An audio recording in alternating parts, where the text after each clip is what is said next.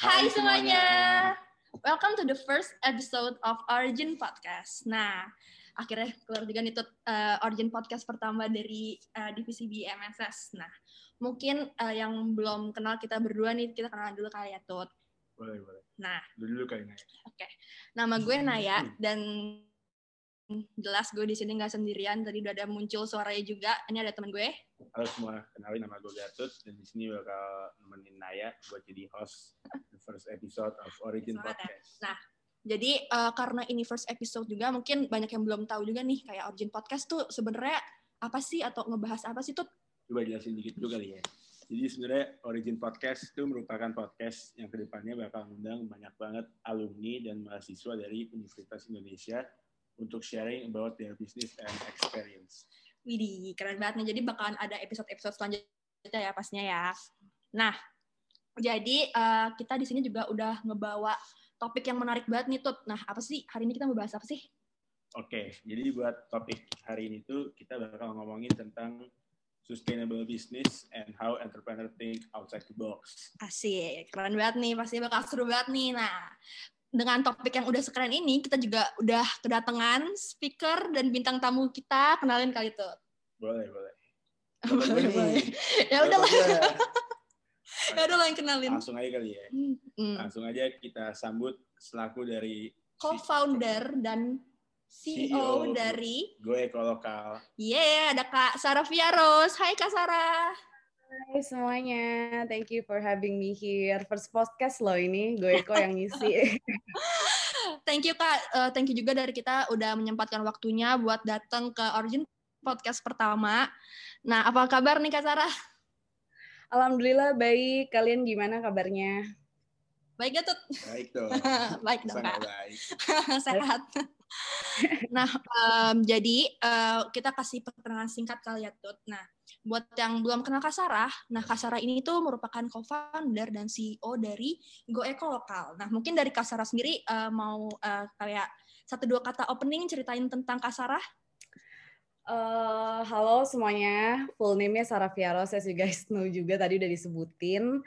Uh, sekarang ini aku ngejabat jadi CEO di salah satu startup uh, yang aku build bersama co-founder aku, Mr. Edwin Kusuma uh, namanya Gue Lokal.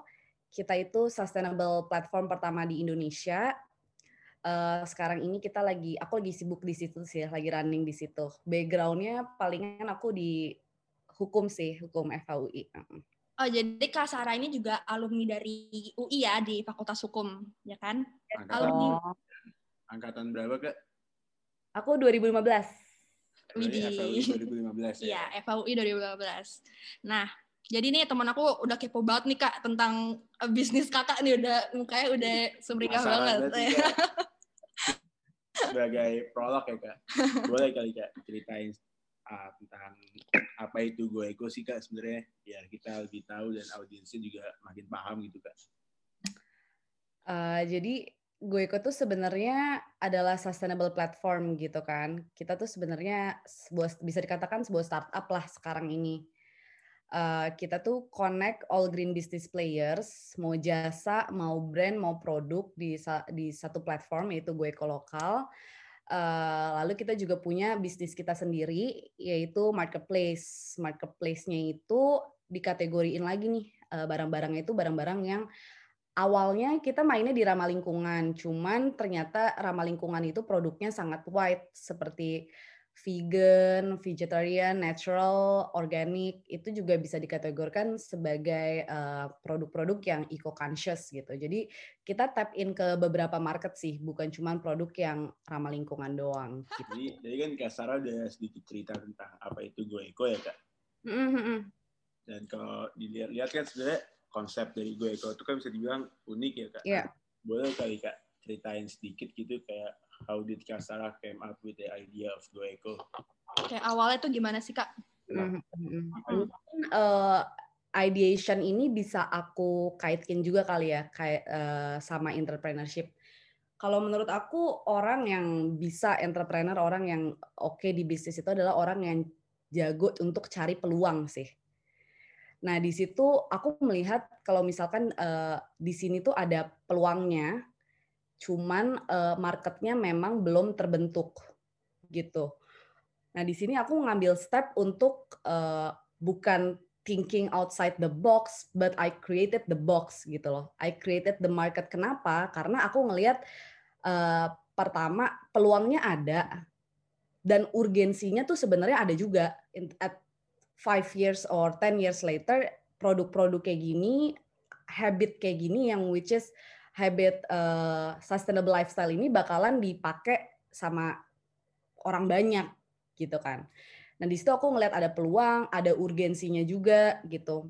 Makanya aku mikir, uh, oh ya udah deh, kalau misalkan orang-orang kan sekarang susah nih untuk cari barang-barang yang uh, ramah lingkungan atau barang-barang yang vegan, natural segala macam gitu. Karena uh, actually the seller itu lebih elusif gitu. They tends to have their own uh, platform. Contoh, uh, misalnya brand X dia itu lebih uh, sering jualan di Instagram atau brand Y dia punya website-nya sendiri gitu. Dan orang-orang ngerasa kayak oh produk-produk yang vegan, yang ramah lingkungan, vegetarian, yang sehat-sehat kayak gini lah, yang lebih ke wellness nih biasanya produk-produk mahal nih. Nah jadi aku mikir gimana, kenapa nggak kita satuin aja di satu platform gitu ya, biar di situ ada competition in price gitu. Intention awalnya sih itu sih, karena aku ngelihat kayak Oh ya, orang-orang sebenarnya kesusahan sih sama produk-produk ini kayak untuk cari brandnya, untuk cari uh, produk-produknya kira-kira apa nih yang bisa kita shift ya dari produk-produk yang uh, ada di sekitaran kita sekarang sama produk-produk yang lebih ramah lingkungan gitu. Kayak contohnya uh, sekarang kan uh, most of people itu pakai sikat gigi yang uh, tangkainya dari plastik atau bahan dasarnya dari plastik. Cuman if you guys know, ada juga kayak sikat gigi yang dari bambu, habis itu dari uh, bulunya tuh dari serabut kelapa, kayak gitu-gitu kan. Cuman uh, memang produk-produk ini belum eksis kan gitu. Tapi yang aku bilang tadi sih, sebenarnya produk-produk yang kayak gini tuh ada peluangnya gitu. Kita ngerasa kalau misalkan produk-produk ini tuh perlu juga gitu loh untuk uh, harganya bersaing lah di masyarakat gitu. Oke, jadi tadi mungkin yang perlu aku highlight itu adalah kayak uh, kakak dapat ide dari mana itu pertama kakak kayak nemuin suatu peluang di mana barang-barang uh, apa namanya barang-barang sustainable tuh masih apa ya masih belum banyak kali di Indonesia kak. Ya, nah, ya.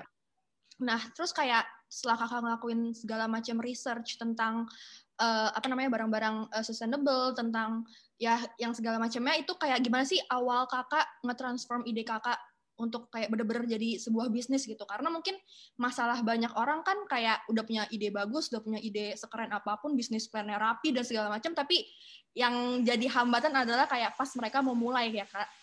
Nah kayak kalau kakak sendiri kayak pas kakak mau mulai itu kayak what was the first step aku bikin timetable dulu sih sebenarnya. Maksudnya uh, ya kita list lah ya beberapa. Maksudnya kalian kan anak-anak bisnis gitu kan. Untuk teoritikal pasti kalian lebih lebih paham banget gitu. Cuman kalau dari aku sendiri sih uh, aku bikin timetable dulu.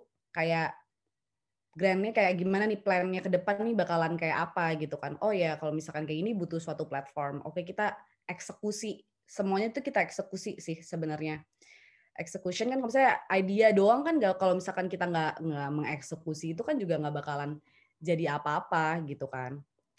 Jadi uh, yang aku highlight lagi tadi pertama kakak bikin timetable, terus yang paling penting adalah nge-execute di idea ya kan kak? Iya. Yeah. Setuju banget sih sama kata-kata kakak tadi. nah, next silakan Gatut. Oke kak, jadi buat pertanyaan berikutnya nih kak, dalam proses kakak ngebangun GoEco ini ya, mm-hmm.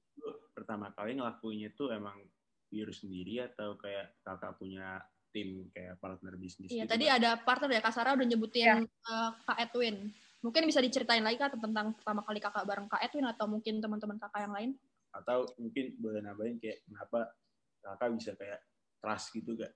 Kan? Mm -mm. Itu sebenarnya ini penting juga sih buat uh, sharing entrepreneurship ya menurut aku buat kalian yang uh, mungkin masih kuliah, abis itu kayak, aduh ngerasanya masih kuliah nih, belum pernah magang, belum apa, nggak punya pengalaman gitu kan, mau bikin bisnis takut gitu. Kalau misalkan dari aku sih, perlu banget untuk cari co-founder atau partner bisnis yang tepat sih yang bisa brainstorming segala macam gitu sama kita. Ya sih. itu sih sebenarnya kita uh, ngobrol aja tentang peluang bisnis, peluang bisnis apa sih sebenarnya yang nggak ada di Indonesia gitu sih, maksudnya uh, kan bisa uh, dicari-cari lah ya, kalian cari-cari gitu kayak kira-kira apa ya peluangnya, terus uh, kira-kira market marketnya gimana, oke nggak nih nerima nggak nih produk-produk kayak gini gitu. Jadi aku sama co-founder aku initiate bikin ini berdua. Kita uh, berdua doang sih. Cuman setelah itu kita biang uh, sama-sama bootstrap sendiri-sendiri pakai modal sendiri pakai modal berdua gitu. Terus kita create team gitu untuk hiring dari segi desain, dari segi marketing, dari segi business development, dari segi orang produk IT team segala macam gitu sih. Oke, okay. nah berarti awalnya nih Kak Sarah uh, partneran sama teman kakak tadi ya, Kak Edwin, mm-hmm. initiate bisnis ini. Nah oke, okay. lanjut. Uh, sebelumnya tuh gue Eko tuh didiriin dari tahun berapa ya Kak? Iya, oh ya itu dia, kita belum nanya. Lupa nanya di awal. Sebenarnya sih, uh, we've been talking about it since Februari 2020. Di situ kondisinya aku masih jadi lawyer di salah satu big firm juga Nah, di situ udah inisiat, udah ngobrol-ngobrol lah, udah sebatas kayak ya sebatas ngobrol aja sih, ngobrol kira-kira nih kayaknya oke okay nih gitu segala macam. Awalnya sebenarnya nggak mau bikin nggak mau jadi startup, justru kayak pengen jualan packagingnya aja gitu karena rasanya kayaknya waste di Indonesia itu banyak kan dari sampah plastik segala macam yang di dihasilkan oleh ya F&B bisnis gitu. Jadi awalnya tadinya mau mau ambil barang aja dari mana terus kita white label gitu. Tapi jadinya kayak kita melihat ada urgensi dan peluang itu, makanya ngejadiin ke platform tersebut gitu. Oke, berarti tadi Kak Sarah mulai dari Februari 2020. Berarti itu pas kakak mulai itu kayak awal-awal corona nggak sih kak? Awal-awal corona, makanya uh, sebenarnya karena kita tuh hampir ya company tech gitu ya kan butuh progres juga buat ngedevelop sistemnya kan. Jadi waktu itu Februari 2020 tuh cuman sebatas kayak ngomongin ideation segala macem untuk yang uh, nge-execute tuh di Juli baru baru aku udah udah urusan kelar di law firm terus udah serius juga udah market research juga udah udah mantep lah mau bootstrap mau mau jadi entrepreneur aja gitu kan ya udah kita uh, sama-sama taruh modal terus baru dieksekusi tuh di Juli uh, launching platformnya di Agustus akhir. Itu juga banyak hmm. kesahnya tuh kayak sempat ditipu juga sama vendor IT gitu kan. Ditipu kayak Aduh. udah bayar produknya juga nggak jadi gitu. Padahal uh, vendor IT-nya tuh lumayan temennya kerabat juga gitu loh. Terus kena tipu lah apa segala macam jadinya kita pakai yang profesional sekalian, kita hiring segala macam terus baru launchingnya tuh di Agustus akhir. Hmm. Sebenarnya tadi kakak kayak menjawab pertanyaan aku berarti kayak sebelum itu aku kayak pengen nanya gitu kan kayak terutama kayak pas lagi zaman-zaman corona gitu pasti setiap hmm. bisnis kan banyak banget yang ups apa ya? ya? Iya ups and downs. Terutama kena terutama pas corona kan baik banget yang uh, mungkin ada yang uh, ngalamin apa masa-masa down phase-nya. Nah, untuk gue sendiri mungkin tadi kakak udah mention juga ya kakak di apa di tim sama yeah. vendor tapi untuk kayak hal-hal lainnya mungkin ada cerita-cerita pas masa-masa kakak ngerintis ini, the struggle dan cara kakak overcome it gitu? To be honest, kalau struggle sih sampai saat ini yang struggle-nya real ya, maksudnya yang sampai loss gitu ya, itu itu ketipu vendor sih.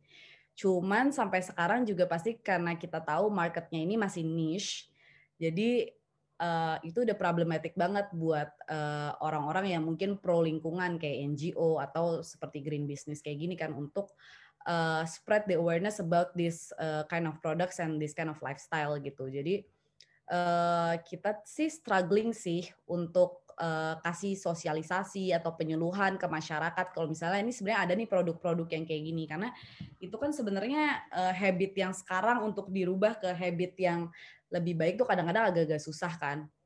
Jadi struggle-nya mungkin Benar. di gue tuh itu mm, buat spread the awareness sih, karena mungkin mereka karena nggak merasakan atau belum tahu mungkin ya uh, tentang mendalam uh, belum tahu mendalam tentang uh, apa sih climate change segala macam apa sih uh, vegan products itu sebenarnya bisa itu lebih healthier than what we consuming daily gitu kan. Mereka belum tahu jadi kita uh, agak kesusahan sih untuk uh, spread the awareness and education about it about about it. Ah, tadi kakak mention kayak emang yang paling susah atau mungkin struggle-nya adalah uh, naikin awareness orang-orang ya. Apalagi kayak misalkan kayak kita, kayak gue, kayak Gatot gitu kan. Kalau misalkan Kenapa tuh kayak kayak tadi aku mention gini kayak misalnya kita mau beli baju gitu kayak mostly kan orang-orang masih beli yang di mall-mall yang mungkin brand-brand fast fashion yang emang maksudnya ya itu yang kita tahu gitu kan. Kita belum tahu ada barang-barang sustainable yang emang lebih ramah ramah lingkungan dan segala macam. Nah, kalau dari Go Eco sendiri uh, mungkin kayak gimana sih Kak kayak mungkin strategi Go Eco mungkin dalam hal marketingnya kali ya? Ya. Yeah. Kayak marketingin produk-produknya itu biar orang-orang tuh kayak kayak orang-orang yang masih taunya hal-hal fast fashion atau mungkin barang-barang sekali pakai tuh kayak notice go eco gitu. Kalau dari kakak sendiri gimana? Nah mungkin pertamanya itu kita uh, bagusnya ya, kita tuh tap in ke komunitas sih, komunitas yang memang related to our products and our business gitu. Mau dari komunitas seller atau vendor terkait. Jadi di situ sebenarnya kita udah punya marketnya gitu. Nah, terus untuk startup kan bagusnya awalnya organik yang which is sekarang ini uh, gue ikut tuh masih organik gitu. Kita nggak pakai digital marketing sama sekali. Jadi kita campaign sama NGO NGO, abis itu kayak kita minta government support, terus kita sosialisasi juga pakai uh, itu sih pakai channel itu mungkin channel dari government, channel dari komunitas-komunitas terkait gitu. Nah di situ uh, kita masuk ke market-market yang memang dia membutuhkan dan bakalan buy back uh, our products gitu. Jadi nggak sekali beli aja sih. Jadi di situ uh, sustain gitu bisnisnya, ada buybacknya. Kak, uh, kalau ngomongin tentang marketingnya GoEgo nih kak, mm-hmm. kan GoEgo kan sebagai platform nih kak. Nah yep. kalau lihat di Instagramnya kan banyak collab sama brand-brand lain nih kak. Iya. Uh, nah kalau boleh tahu nih kak, apa sih kak pertimbangan GoEco untuk collab sama brand lain? Selain barang itu kayak kan emang mungkin syarat pertama harus sustainable ya kak ya, barang-barangnya. Ya, iya. Nah kayak ada nggak sih kak pertimbangan lain untuk kayak brand-brand collab sama GoEco? Apakah kayak harus lokal brand atau ya. apa juga? Nah ini sebenarnya value proposition kita ya. Maybe uh, kalian wondering kan kayak uh, misalnya tapi kan marketplace yang lain banyak gitu. Ada big marketplace yang kita sebenarnya udah sekarang udah pakai gitu kayak. Kenapa sih sebenarnya kita harus pilih Goeco? Nah, ini value proposition kita adalah we created the brands and the products gitu. Karena barang-barang ramah lingkungan, barang-barang vegetarian, organic ya our categories lah gitu. Itu merupakan produk-produk yang sensitif gitu. Jadi butuh uh, instansi yang bisa uh, approve kalau misalkan produk-produk tersebut masuk ke kategori contoh kategori organik atau kategori vegan kah, kategori apakah gitu. Jadi kita punya tim kita sendiri uh, yang ngekura, ngekurasi uh, si brand dan si produk itu sih.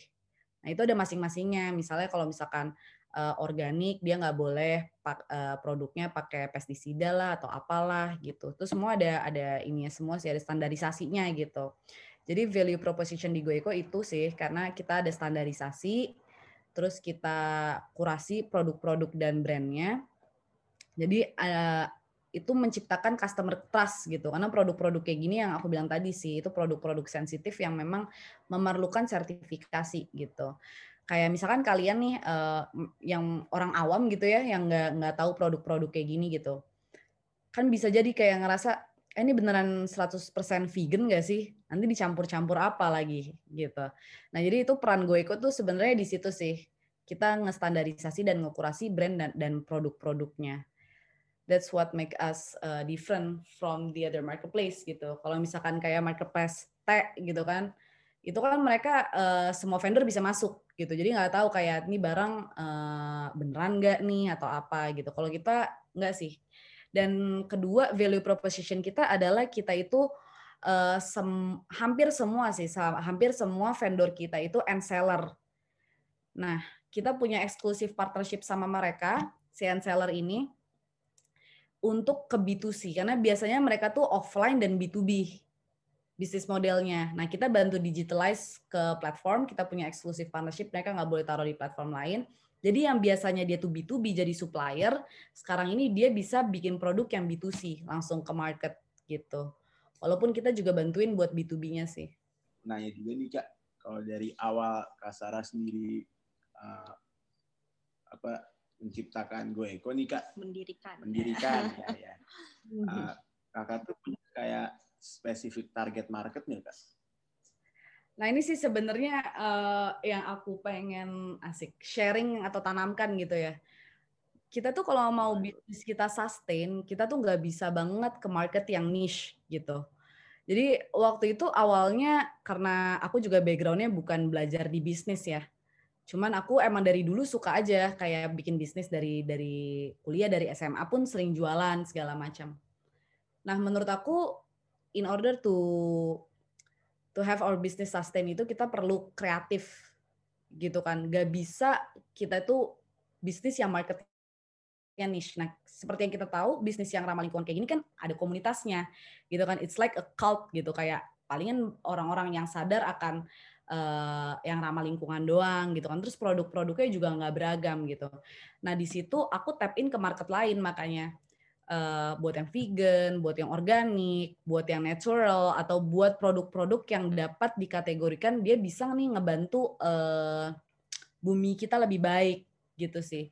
Jadi uh, aku nggak saranin buat kalian yang uh, mulai bisnis di market yang niche, walaupun sebenarnya mereka ada komunitasnya dan uh, mereka kayak uh, apa ya bisa buyback gitulah. Ada ada beli lagi beli lagi gitu kan sama kalian. Cuman uh, kita butuh tap in ke market lain sih. Kalau bisa segala market kita garap ya kita garap aja gitu kan. Nah, tadi kan kakak mention kayak uh, background kakak dari FHUI dan tadi kakak juga mention kayak kakak sempat kerja di law firm until kayak kakak decide buat uh, untuk apa untuk berbisnis gitu kayak ini aku pertanyaan ini Agak sih. out of topic out of topic dikit ya dari tadi kita ngebahas tentang market lah tentang ini itu. Ini mungkin uh, jatuhnya lebih personal gitu sih kayak uh, kayak kayak apa ya alasan kakak akhirnya lebih memilih untuk uh, berbisnis gitu dari background kakak hukum dan segala macam. Tapi kakak kayak kakak jadi kayak uh, yakin untuk memulai bisnis gitu. Kayak apa sih kak alasannya? Kayak sampai ninggalin apa law firm yang kakak kerja waktu itu. Mm -mm. Hmm, waktu itu sebenarnya masih uh, idealis sih. Aku kebetulan tip, aku kebetulan orangnya tuh suka yang social impact dari dulu. Uh -uh. Jadi awalnya tuh aku mikir daripada bikin NGO, ya aku nggak nyalahin NGO NGO sih. Cuman uh, kalau misalnya di NGO NGO itu beratnya dia dapat kalian pernah dengar uh, kata-kata greenwashing gak sih? Greenwashing tuh, green greenwashing itu Ya, ya nggak apa. Jadi greenwashing itu di mana itu adalah marketing di mana suatu company itu dia itu seakan-akan mereka itu udah oh, standar ya udah udah udah udah mengikuti standar ESG e gitu loh. Kayak SDG hmm. gitulah. Kayak dia udah udah udah mengikuti standar itu. Banyak banget brand-brand FMCG yang besar tuh melakukan greenwashing gitu. Nah, mereka biasanya tap in ke NGO-NGO gitu. Nah, tadinya aku idealis sih pengen kayak kalau misalkan uh, mau impact, bikin impact yang besar pasti we need money gitu kan. Dan aku nggak mau dipengaruhi sama brand-brand yang sebenarnya mereka itu nggak eco-conscious gitu loh. Mereka cuma pengen greenwashing aja. Jadi daripada bikin NGO, mendingan bikin yang ada value-nya juga. Jadi uh, sambil menyelam minum air gitu loh kayak bisnisnya impactful gitu. Nah kebetulan sih uh, dari dulu sebenarnya pengen di bisnis sih kayak dulu juga ngambil majornya bisnis cuman nggak keterima tapi keterimanya di hukum gitu. Jadi ya agak ini aja sih nggak nyesal juga sih sebenarnya masuk hukum cuman uh, dari dulu memang emang suka di bisnis gitu Oke, keren banget jujur Kak Sarah dari tadi aku dengerinnya sama Katut kita ter, terpana-pana. Karena jujur kayak gitu kayak penting buat apa seumuran kita sekarang itu nggak sih? Bener banget. Aku ada yang mau tambahin sih. Uh, tadi kan poinnya sebenarnya lebih ke kayak gimana sih tergerak gitu ya. kalau menurut aku kalian harus lihat kondisi sekarang dulu sih. Kayak banyak juga teman-teman aku yang kayak, aduh, gue pengen uh, bikin bisnis aja deh, pengen keluar dari kantor gitu. Kalian harus tahu uh, diri kalian sendiri tuh sebenarnya capable nggak sih buat uh, buat bikin bisnis saat ini at this moment. Kalian lebih capable buat kerja sama orang, dapat allowance setiap bulan gitu kan? Atau kalian bisa mati-matian modalin sendiri justru keluar duit duit sendiri bakar duit sendiri dulu yang nggak tahu sebenarnya untung apa enggak jadi di situ sih karena menurut aku uh, aku juga beraninya itu karena I kinda have the privilege juga gitu. Jadi aku mikirnya sebisa mungkin uh, gue me, apa ya memanfaatkan privilege gue gitu loh. Gitu sih kayak kalau misalkan orang-orang yang mungkin uh, masih masih merintis lah, terus dia juga nggak punya nggak nggak ada privilege, menurut aku harus pikir dua kali atau mungkin researchnya juga harus dua kali sih tentang market kah, apakah ini beneran bakalan boom atau enggak atau segala macam gitu sih. Lebih sebenarnya di umur sekarang ini punya startup 23 years old kan aku sekarang to be honest susah karena backgroundnya juga bukan bisnis jadi harus dipaksa banget untuk uh, belajar micromanagement. Di mana aku kuliahnya nggak ada itu sama sekali. Mungkin kalau kalian lebih paham lah ya, kayak gitu-gitu kan ada theoretical, apa segala macam. Mungkin ada prakteknya atau organisasi atau apa yang aku tuh nggak ada. Gimana caranya kita ngeposisiin diri kita jadi leader? Gimana caranya kita kreatif? Yang aku bilang tadi, uh, oke okay, ini di sini revenue dikit dikit banget nih kita tap in ke market yang ini market yang ini doing research data analis segala macam gitu kan sekarang ada ada dua data analis di Goeko bahkan aku uh, banyak banget belajar dari pegawai-pegawai aku sendiri karena mereka memang expert di situ gitu kan jadi uh, itu sih awalnya bisa yakin karena ngerasa oh gue ada privilege juga why not gitu loh nanti kalau misalkan uh, amit-amit gagal mikirnya waktu itu ya udahlah balik ke kantor lagi aja gitu sih. Jadi harus tahu juga sih kayak your uh, capability kayak jangan semua dipaksain karena banyak banget teman aku tuh yang kayak mungkin dia bosen sama kerjanya sekarang gitu kan.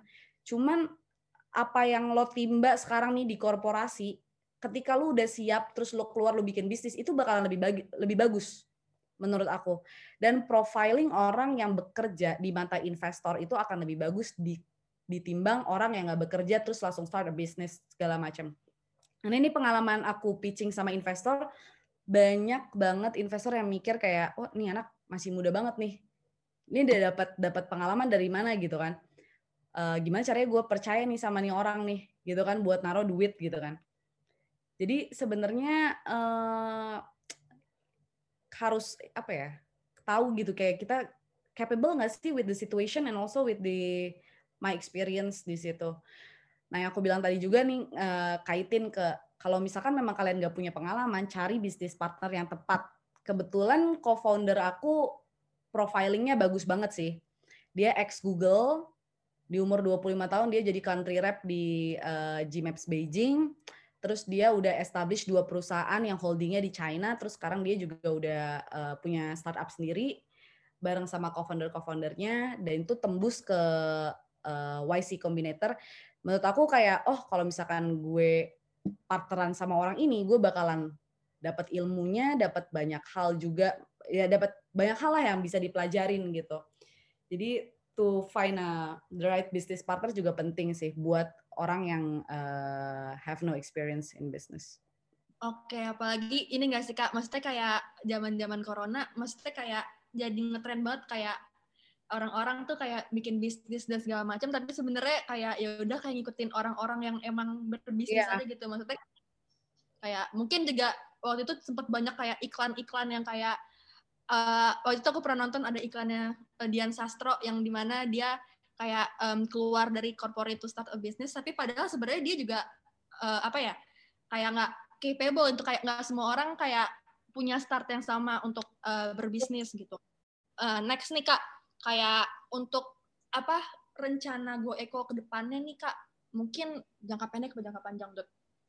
Dua-duanya sih. Dua-duanya. Mungkin kayak rencana Go Eko beberapa tahun beberapa bulan ke depan dan jangka pendek atau beberapa tahun ke depan itu ada planning apa sih Kak? Uh, buat jangka pendeknya sih kita ada core bisnis baru juga itu lebih ke supplier management gitu ya.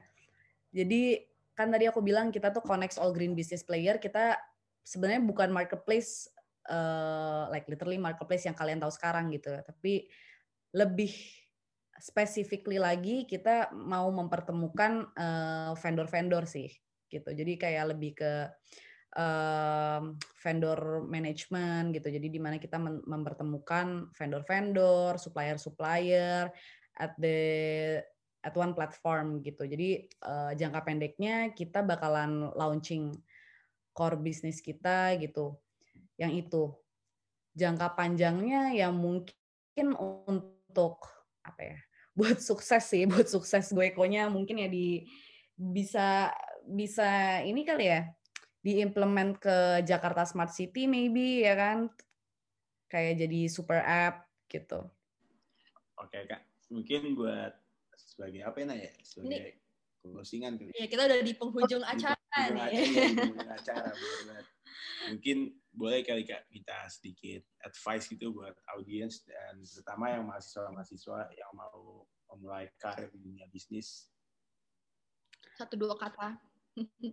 Kalau dari aku sih uh, bisnis itu bukan sekedar ide ya atau angan-angan doang gitu sih. Uh, menurut aku it's all about the execution and progression sih. Jadi buat kalian yang ingin bisnis tapi mungkin masih ragu karena belum punya pengalaman, yang aku bilang tadi mungkin uh, cari bisnis partner yang drag you up gitulah. Cari surrounded by people yang bakalan narik kalian ke atas sih, jangan malahan narik kalian ke bawah gitu. Mungkin dari sekarang uh, Naya sama Gat Gatut gitu kan, kayak kalau misalkan ada beneficialnya atau apa gitu kayak cari bisnis partner yang tepat sih, cari pertemanan yang tepat gitu.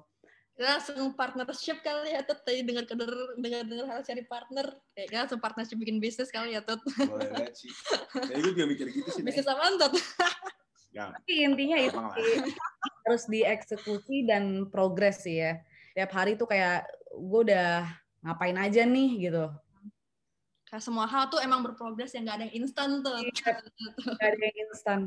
Kalau yang instan uh, doge tapi loss juga sih. Iya, kripto ya kan jadi bahasannya finance nih.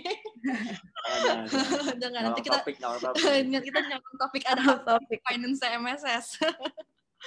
Oke, langsung aja tuh kita closing uh, seluruh podcast sesi pertama ini. Ya. Yeah. Gimana tuh? Jadi uh, sekali lagi thank you buat nih buat hmm. Kak Sarah yang udah bersedia. Thank you banget. MSS. Speaker pertama. Speaker pertama malah hmm. ya, di Origin Podcast. Betul. Terus apa ya? Oh ya, uh, Go Eko juga ada ini ya kak, ada YouTube ya kalau nggak salah yang isinya eh, konten-konten uh, video atau website juga ada dan ada ini juga Instagramnya juga. Jadi buat para audience. apa kita bagi audiens apa listener sih? Audiens. Ya. Jadi buat para audiens jangan lupa buat dicek Instagramnya Go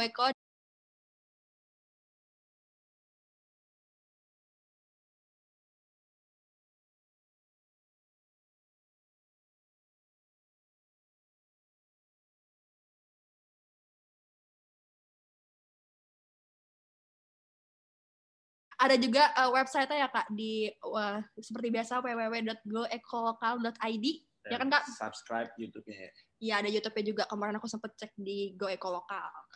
Nah terus uh, jangan lupa nih kita iklan juga dong tuh. Oh iya.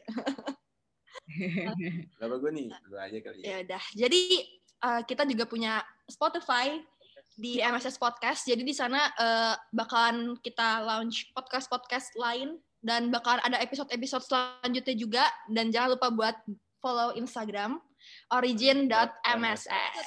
Gue Naya. Gue Gatut. See you on the second episode of Origin Podcast. Bye-bye. Thank you Kak Sarah. Thank you guys.